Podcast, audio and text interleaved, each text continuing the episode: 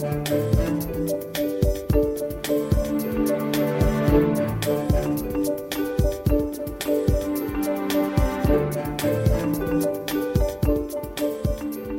Bodziuk, dzień dobry. To jest program Szczerze o Pieniądzach. W studiu goście pani Małgorzata Kulis, e, prezes zarządu Volvo Trucks Polska. Dzień dobry. Dzień dobry.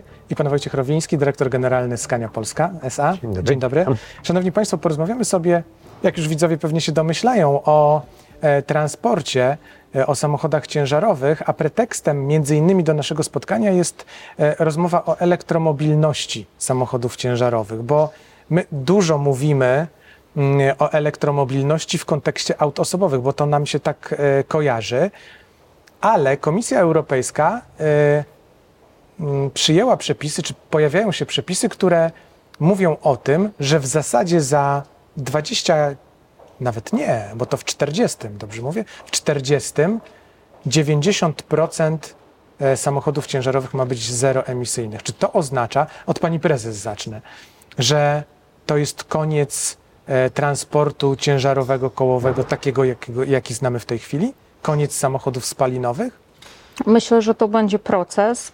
Samochody spalinowe wciąż w dużej populacji będą jeździły po drogach e, Europy, natomiast rzeczywiście sprzedaż pojazdów ciężarowych e, będzie się odbywała już, mm, już w zakresie pojazdów nisko i zeroemisyjnych. I tutaj oczywiście mówimy o elektromobilności, ale mówimy też o pojazdach gazowych, mówimy o pojazdach napędzanych wodorem. W zależności od aplikacji, od używania tych pojazdów, oczywiście te źródła napędu będą się różniły. Natomiast tak, żebyśmy do 2040 roku e, osiągnęli mm, te targety ograniczenia gazów cieplarnianych, musimy mm, rzeczywiście coraz więcej sprzedawać pojazdów zeroemisyjnych i na to my, jako dostawca pojazdów ciężarowych, jesteśmy gotowi. Panie dyrektorze, pan wyobraża sobie taką rzeczywistość po 40 roku, że ciężarówki jeżdżą po naszym kraju i w ogóle po Europie i w zasadzie nie słychać, że jadą, bo są tak ciche? E, Absolutnie tak. Technologicznie jesteśmy przygotowani. Mamy e, w 30 roku Unia Europejska oczekuje 45%. My sami deklarujemy, że będziemy produkować 50% tych samochodów i to technologicznie, konstrukcyjnie, e, inżyniersko to sprawa jest praktycznie dopięta już. Teraz jest tylko kwestia zwiększenia e, mocy produkcyjnych, ustawienia e, procesów e, dostaw i sam, część samochodowa będzie gotowa. Pytanie, czy infrastruktura, przepisy i cała branża transportowa będzie gotowa na to, żeby te samochody rzeczywiście wchodziły w eksploatację. To o tym za moment porozmawiamy, ale ja chciałbym, żebyśmy jeszcze dokonali takiego rozróżnienia. Może wytłumaczyli widzom to, jak to są różne branże. Bo z jednej strony my mówimy elektromobilność, mamy przed oczami samochody osobowe, a y, ciężarowe samochody, gdzieś one wiemy, że funkcjonują, ale generalnie chyba, pani prezes, mam rację, nie zdajemy sobie sprawy z tego, jakie one mają znaczenie dla gospodarki, dla biznesu. Myślę, że bardzo mocno ten aspekt nie jest doceniany. Branża transportowa generuje chociażby w Polsce ponad 7% produktu krajowego brutto. Jest to olbrzymi wkład w gospodarkę naszą. E, I oczywiście w, ciężkie, e, w ciężkim transporcie również e, weszliśmy już z elektromobilnością. Dostarczamy samochody elektryczne od dwóch lat jako Volvo Trucks. Mamy szeroką gamę, w zasadzie mm, pojazdy do różnych zadań. E, No i jak mówimy o rozwoju elektromobilności, o takich typowych samochodach elektrycznych, no to też na pewno musimy myśleć jasno o tym, że pierwszy krok to są aglomeracje miejskie i strefy takie regionalne, międzymiastowe. To na pewno pojazdy elektryczne. A tak jak wspominałam, e, dalsze trasy, trasy jakiegoś transportu międzynarodowego, e, to wciąż e, jeszcze inne napędy, nad którymi też pracujemy, e, czyli wodór, e, no i biogaz zdecydowanie, który również produkowany w odpowiedni sposób będzie zeroemisyjny. Mhm. No tak, tylko ja sobie tak myślę, pani powiedziała 7%. To jest branża, która jest w czołówce tych branż, jeśli się nie mylę, chyba trzecia, która pod względem PKB jest najwięcej warta. Mm, Ale Czy my dostrzegamy to, że rano idąc po bułki, zanim je kupimy, no to jakaś ciężarówka, mniejsza, większa, musiała to przywieźć? Jeżeli mówimy, nie wiem, myślimy o mieszkaniach, no to one zbudowane, przecież te materiały budowlane musiały być dostarczone. Budowa dróg, no wszystko o czym pomyślimy, ma gdzieś swój początek w ciężkim transporcie. Znaczy, generalnie zawsze się mówiło, że e, transport to jest krwiobieg ekonomii. E, poza tym, co pan redaktor wspomniał, 80% eksportu polskiego wyjeżdża pojazdami ciężarowymi. Polscy przewoźnicy, jedni z najbardziej, jeśli nie najbardziej profesjonalni w Europie, e, obsługują No jesteśmy 30%. liderem, jeśli chodzi, obsługujemy, jest 26%, e, 26 krajów w Unii Europejskiej, 30% transportu międzynarodowego obsługują polscy przewoźnicy. To jest naprawdę ogromna gałąź ekonomii i zgadzam się, na co dzień tego nie widzimy, bo to działa gdzieś w, w tle. Natomiast e, no, e, widać, jak przestaje działać transport, jak szybko przesta- muszą się zatrzymać fabryki. Widzieliśmy, jak e, duże są problemy z dostawami komponentów do fabryk po-covidowych i od początku wojny. Widzimy, jak szybko zaczyna brakować towarów w sklepach. No, to wszystko musi działać. Na szczęście ta technologia elektromobilności rozwija się zgodnie z tym, jak, gdzie jest prąd. Tak?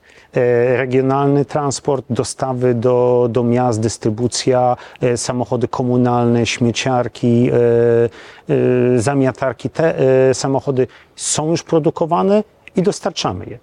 Za chwilę wchodzimy o wiele mocniej w transport regionalny, gdzie też ładowanie tych samochodów zazwyczaj się odbywa albo na bazie, albo w miejscu załadunku, albo w miejscu docelowym. I tutaj ta infrastruktura może być zbudowana w miarę szybko. Ale tak jak pani prezes powiedziała, te duże ładowarki, dużej mocy, to już zaczyna być wyzwanie, bo e, prąd jest, tylko nie tam, gdzie trzeba i nie wtedy, kiedy trzeba. A jeśli myślimy o samochodach ciężkich, to tak naprawdę najłatwiej ten na prąd dostrzec chyba e, jako autobusy miejskie w tej chwili, dzisiaj. No na pewno najwięcej rzeczywiście mm, widać autobusów elektrycznych i hybrydowych, ale to też dlatego, że transport publiczny był prekursorem tych rozwiązań, poza oczywiście samochodami osobowymi. E, No i też rozwinął się dużo szybciej, dlatego że powstały również e, formy dofinansowania e, zakupu tego typu środków transportu, bo transport publiczny podlega dofinansowaniom. Tak? A, a zakupu ciężarówek nie można dofinansować?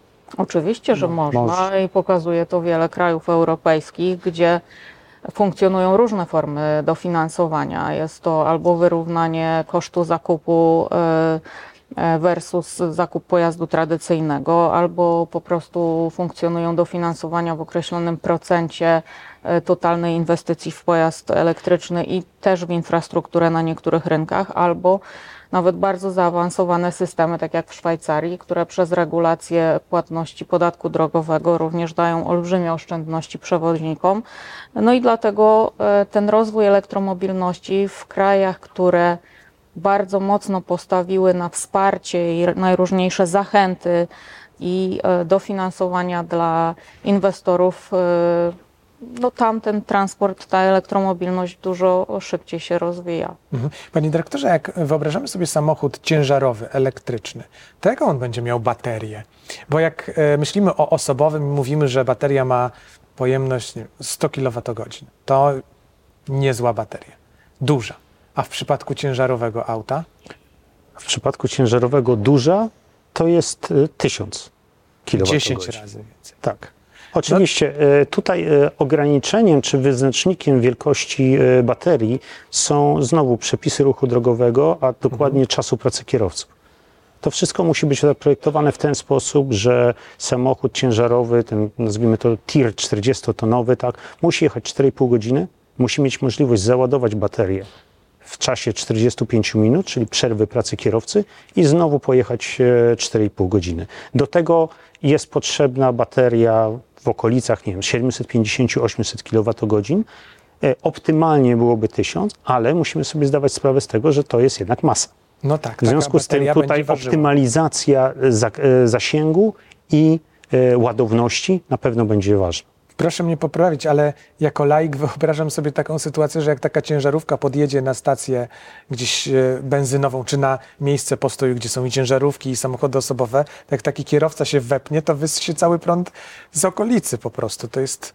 Jeżeli być... Mhm. będzie w ogóle miał możliwość taką, żeby podjechać i wpiąć się do ładowania, dlatego że dzisiaj na takiej standardowej stacji benzynowej, no to ciągnik z naczepą, jeżeli wiedzie i będzie chciał się podładować, no to raczej może się okazać, że on się tam po prostu nie zmieści. Dlatego no, ta infrastruktura powinna powstawać rzeczywiście w takich miejscach, y, gdzie wiadomo, że taki duży zestaw mm, bez problemu, bezpiecznie podjedzie i będzie mógł się załadować. Oprócz tego, patrząc na liczbę tych pojazdów na drogach i to, jak już dzisiaj tego typu parkingi, jak mopy są przeładowane, no to tutaj rzeczywiście mamy duże wyzwanie. To jest kolejna rzecz infrastrukturalna, która musi zostać ulepszona, żeby rzeczywiście usprawnić e, kwestię e, no chociażby dostępu do tej No, infrastruktury. na takim mopie musiałby być w tych miejscach, gdzie parkują te samochody ciężarowe, przy każdym miejscu jakaś dedykowana ładowarka i przynajmniej kilka, może nawet więcej, kilkanaście takich ładowarek, żeby to miało sens. No, żeby miało sens, to na pewno tak. A z jaką mocą, bo proszę mi powiedzieć, no taka bateria, to ja sobie nie wyobrażam dzisiaj, jaka musi być moc ładowania, żeby ten kierowca w 45 minut, e, kiedy może odpocząć, mógł załadować całą potrzebną energię. No, My mówimy o prądach rzędu 750 kW. To jest prąd, który jest potrzebny właśnie, żeby w 45 minut zatankować, naładować energię na kolejne 4,5 godziny. W czym jest problem? Ładowarki wysokiej mocy, zgodnie z przepisami polskimi, zaczynają się od 50 kW. My mówimy, my mówimy moc, o prawda? 750 potrzebnych do samochodów, które w tym momencie już są w produkcji, które już są dostarczane. Także tu e, bardzo ważna jest e, kwestia również wszystkich administracyjnych Mhm. e, przeszkód do tego, żeby rzeczywiście ta infrastruktura się rozwijała. Mówimy tutaj wspólnie o infrastrukturze, dlatego że to nie jest kwestia ilości prądu. Gdyby jutro wszystkie ciężarówki, które są w Europie, nagle były elektryczne i potrzebowały prąd, to zużywałyby tylko 6% całej produkcji prądu, która była w 2021 roku. Produkcji, a nie zainstalowanej mocy. Bo jeżeli byśmy sprawdzili, ile było to mm, procent całkowicie zainstalowanej mocy w elektrowniach, to byłoby to jeszcze mniej. Mhm. Prąd jest, tylko musimy go dostarczyć w miejsca, gdzie poruszają się ciężarówki. Pani prezes, a czy to nie jest trochę tak, że następuje tu jakaś odwrotność? Bo e, chcemy, żeby elektromobilność nam się rozwijała. Mówię to na przykładzie aut osobowych. Najpierw mówimy o tym, że będziemy mieli mnóstwo samochodów elektrycznych, tylko nie ma gdzie ich ładować. Teraz mówimy o tym, że ciężarówki muszą być elektryczne. Unia Europejska próbuje wyznaczać jakieś terminy. A to chyba powinno być na odwrót. Zbudujmy stacje, a przynajmniej dajmy możliwości, żeby w razie konieczności te stacje pstryk i powstawały.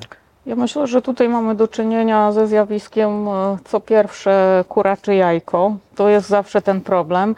I myślę sobie, że tutaj możemy troszeczkę odwołać się do tego, co było z pojazdami gazowymi. Kiedy rozpoczynała się sprzedaż pojazdów napędzanych gazem, to też nie było stacji ładowania i też e, no, pierwsze pytanie e, od klientów, którzy byli zainteresowani nową technologią, no to było tylko gdzie ja dojadę i gdzie będę mógł się e, zatankować, tak? No, I tu jest we, podobnie. Przepraszam, wejdę pani w słowo, bo wyobraziłem sobie taką sytuację a propos tego, gdzie ja dojadę i gdzie będę mógł się zatankować. Wyobraża pani sobie taki samochód ciężarowy, który staje na autostradzie i trzeba mu prąd dostarczyć?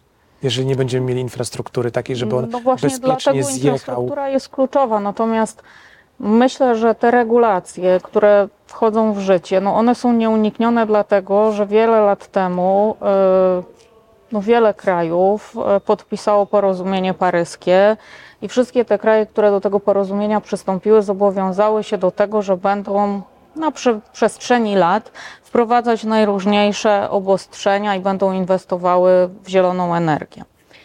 E, No i też myślę sobie, że wiele z tych państw, które do tego porozumienia paryskiego przystąpiło, mm, tą swoją politykę energetyczną na przełomie poprzednich lat e, realizowało. Pytanie ma taki szerszy aspekt. E, Tutaj na pewno bez wsparcia e, naszych e, włodarzy rządzących, e, bez jasnej polityki e, energetycznej dla naszego kraju, e, a wiemy też, że jeżeli nie spełnimy pewnych wymogów nakładanych na nas przez Komisję Europejską, no to będzie się to wiązało z karami. No musimy wspólnymi siłami e, rzeczywiście dążyć do tego, żeby ta infrastruktura powstawała, żeby pojawiały się e, formy dofinansowania, czy to infrastruktury, czy zakupu samych pojazdów elektrycznych, bo to automatycznie bardzo mocno napędzi rozwój tej elektromobilności. Dlatego odniosłam się do pojazdów gazowych, bo rzeczywiście tę drogę w jakiś sposób przechodziliśmy wcześniej. E, Bo najpierw nie było tych stacji, a później kwestia wprowadzenia przez Niemców e, zniesienia małtu na autostradach niemieckich dla pojazdów gazowych spowodowała renesans i wielkie zainteresowanie tego typu pojazdami. I tutaj też wierzę gorąco w to, że mimo, że można śmiało powiedzieć, że kwestia budowy infrastruktury do pojazdów elektrycznych jest trochę bardziej skomplikowana niż to było ze stacjami e, gazowymi, to mimo wszystko jest to możliwe, tylko rzeczywiście musi być bardzo konkretny plan. E, No i on musi zostać, e, mu- musi być konsekwentnie realizowany. Dzisiaj jest to troszkę przypadkowe i tak naprawdę jest to taki temat mm, no mocno niepopularny, bo walczymy, mierzymy się też z dużym stereotypem e, samej branży transportowej e, i jej podejścia do, do nowych technologii, do właśnie do, do pojazdów elektrycznych. Trzeba wspólnymi siłami lobbować za tym, żeby ten wizerunek zmienić, bo musimy mieć świadomość tego, że to jest nieuniknione. Od tego już nie, jakby nie wycofa się nikt z tego. Musimy to realizować. I teraz nie trzeba dewagować bardzo długo, czy to jest aby na pewno słuszny kierunek, tylko trzeba się skupić na tym, co robić konkretnie, żeby ten proces przyspieszył. Dlatego, że jeżeli nie przyspieszy, no to rzeczywiście dzisiaj Polska bardzo mocno e, jest rozpoznawalna, jeżeli chodzi o transport. Jesteśmy siłą transportową Europy, można powiedzieć. Jeżeli nie podążymy za tymi nowymi trendami, no to może się okazać, że jeżeli cała Europa wprowadzi dodatkowe punkty w przetargach na obsługę e, właśnie zleceń transportowych, gdzie będą promowane firmy z pojazdami niskoemisyjnymi, no to nasi przewoźnicy zostaną z tyłu, e, no, No bo i nie, nie będą, będą mogli w w takich Europie. przetargach uczestniczyć. No dobrze, pani prezes, y, pani powiedziała, że musi być plan. To, panie dyrektorze, do pana mam pytanie takie trochę prowokacyjne. Wyobraźmy sobie, że ma pan wszelką władzę decydowania o tym, jak rozwiązać ten problem i musi być ten plan. Więc abstrahując od tego, co zrobią politycy, czego nie zrobią, jak powinien taki idealny plan wyglądać? Co powinno się wydarzyć w najbliższym czasie czy w najbliższych latach, żebyśmy my w tym 2040 z początku nie znaleźli się gdzieś na szarym końcu, jeśli chodzi o branżę transportową Europy? Niestety nie ma, nie ma tutaj jakiegoś takiego planu e, po punktach od e, A do Z. Wiele, wiele rzeczy musi się dziać równolegle. I muszą to być e, działania zarówno ułatwiające zakup takich samochodów, ułatwiające inwestycje w systemy ładowania, promujące kupowanie, o czym pani prezes powiedziała, transportu zero albo niskoemisyjnego, to muszą być przepisy ułatwiające e, e, mm, dostarczanie energii do miejsc, w których e, takie huby ładowania powinny być przy autostradach, przy drogach e, szybkiego ruchu, to, prze, e, to również powinny być programy zwiększające ilość zielonej energii. Bo powiedzmy sobie szczerze, samochód elektryczny tak naprawdę globalnie, patrząc z punktu widzenia e, całej, e, całej infrastruktury, ma sens, jeżeli energia do niego jest wyprodukowana w sposób niepowodujący zatrucia e, środowiska. I tu również powinniśmy bardzo skupiać się nad rozwojem zielonej energii w Europie, ponieważ w Polsce, ponieważ to będzie wyznacznikiem nie tylko transportu, kto będzie woził, ale również gdzie firmy będą inwestować. W Polsce, w Polsce bardzo byliśmy atrakcyjnym miejscem do inwestowania, bo mieliśmy e, tanią ziemię, tańszą siłę roboczą, bardzo wysoko e, wysz, e, wykształconą Wykwalifikowaną. i moty- zmotywowaną. Za kilka, kilkanaście lat tym warunkiem będzie, czy moja fabryka będzie zasilana zielonym prądem. Dokładnie tak. Bo jeżeli całe firmy, nasze firmy również, ale wiele e, branż ma zero, e, zerową e, ślad węglowy w strategii, to nie będą budowali fabryki kolejnej w miejscu, gdzie ta fabryka będzie działała w drugą stronę, jeśli chodzi o ślad węglowy, niż strategia firm. To inaczej zapytam, e, bo mówimy o Polsce, o tym, co powinniśmy zrobić tutaj, ale rozmawiamy także w kontekście całej Europy. Mówimy o tym, że Polska jest liderem branży transportu w Europie. No dobrze, nawet jeżeli my zrobimy fantastyczne rozwiązanie, załóżmy, uda się, no to ten kierowca, ta ciężarówka dojedzie do granicy. A co będzie dalej? Czy Europa idzie odpowiednim tempem i my musimy ją gonić, czy, czy też na razie jest wszystko w powijakach w innych krajach? Jak to wygląda? Europa idzie niewystarczającym tempem, a my i tak musimy gonić, bo my jesteśmy jeszcze bardziej. To nie E, było powstają- pozytywne. E, Nie było, bo, optymistyczne. bo nie jest ta sytuacja u nas w kraju naprawdę e, dobra w tym momencie. A, czyli Te- trzeba uderzyć się w pierś, a nie mydlić sobie oczy, że jakoś będzie. Tak, zdecydowanie tak, bo my jako branża e, producentów samochodów ciężarowych e, tworzymy wszystkie możliwości, żeby się dzielić tą wiedzą. E, stworzona została firma joint venture pomiędzy trzema firmami producentami samochodów ciężarowych, która zadeklarowała, że zbuduje 1700 hubów ładowania samochodów ciężarowych właśnie po to, żeby to koło ekonomii e, zakręcić. E, jest wiele e, projektów w realizacji w Europie właśnie budowania e, stacji e, ładowania dla samochodów na autostradach. Jest program AFIR, który, w którym Europa w pewien sposób będzie wymuszała te ruchy, ale tak jakby u nas w kraju jest zbyt duża pasywność i takie oczekiwanie, zobaczmy, co się stanie. Musimy walczyć o konkurencyjność naszych transportowców, naszej ekonomii. Nie możemy czekać, bo to jest tak duża zmiana w całym przemyśle, w całym transporcie, w ekonomii, że jeżeli nie załapiemy się, przepraszam, że tak powiem, na ten, na ten pociąg, to te 30% przewozów międzynarodowych zniknie nie dlatego, że nasi przewoźnicy będą mniej profesjonalni, tylko nie będą mieli możliwości technicznych do konkurowania z e, swoimi kolegami z zagranicy. Jeżeli we Francji można mieć nie wiem, podwójną, e, podwójną amortyzację elektrycznych samochodów. W innych krajach jest ogromne dofinansowanie do różnicy pomiędzy spalinowym pojazdem ciężarowym a elektrycznym.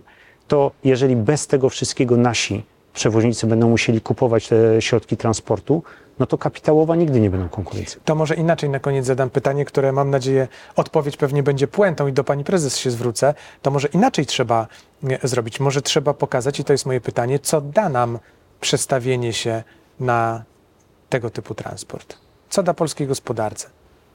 Znaczy, myślę, że tutaj jakby nie ma takiego prostego też przełożenia, natomiast na pewno e, No ale innowacyjność to jest pierwsza rzecz, która nam się. innowacyjność. tak, nowoczesność Oprócz gospodarki, tego, tak.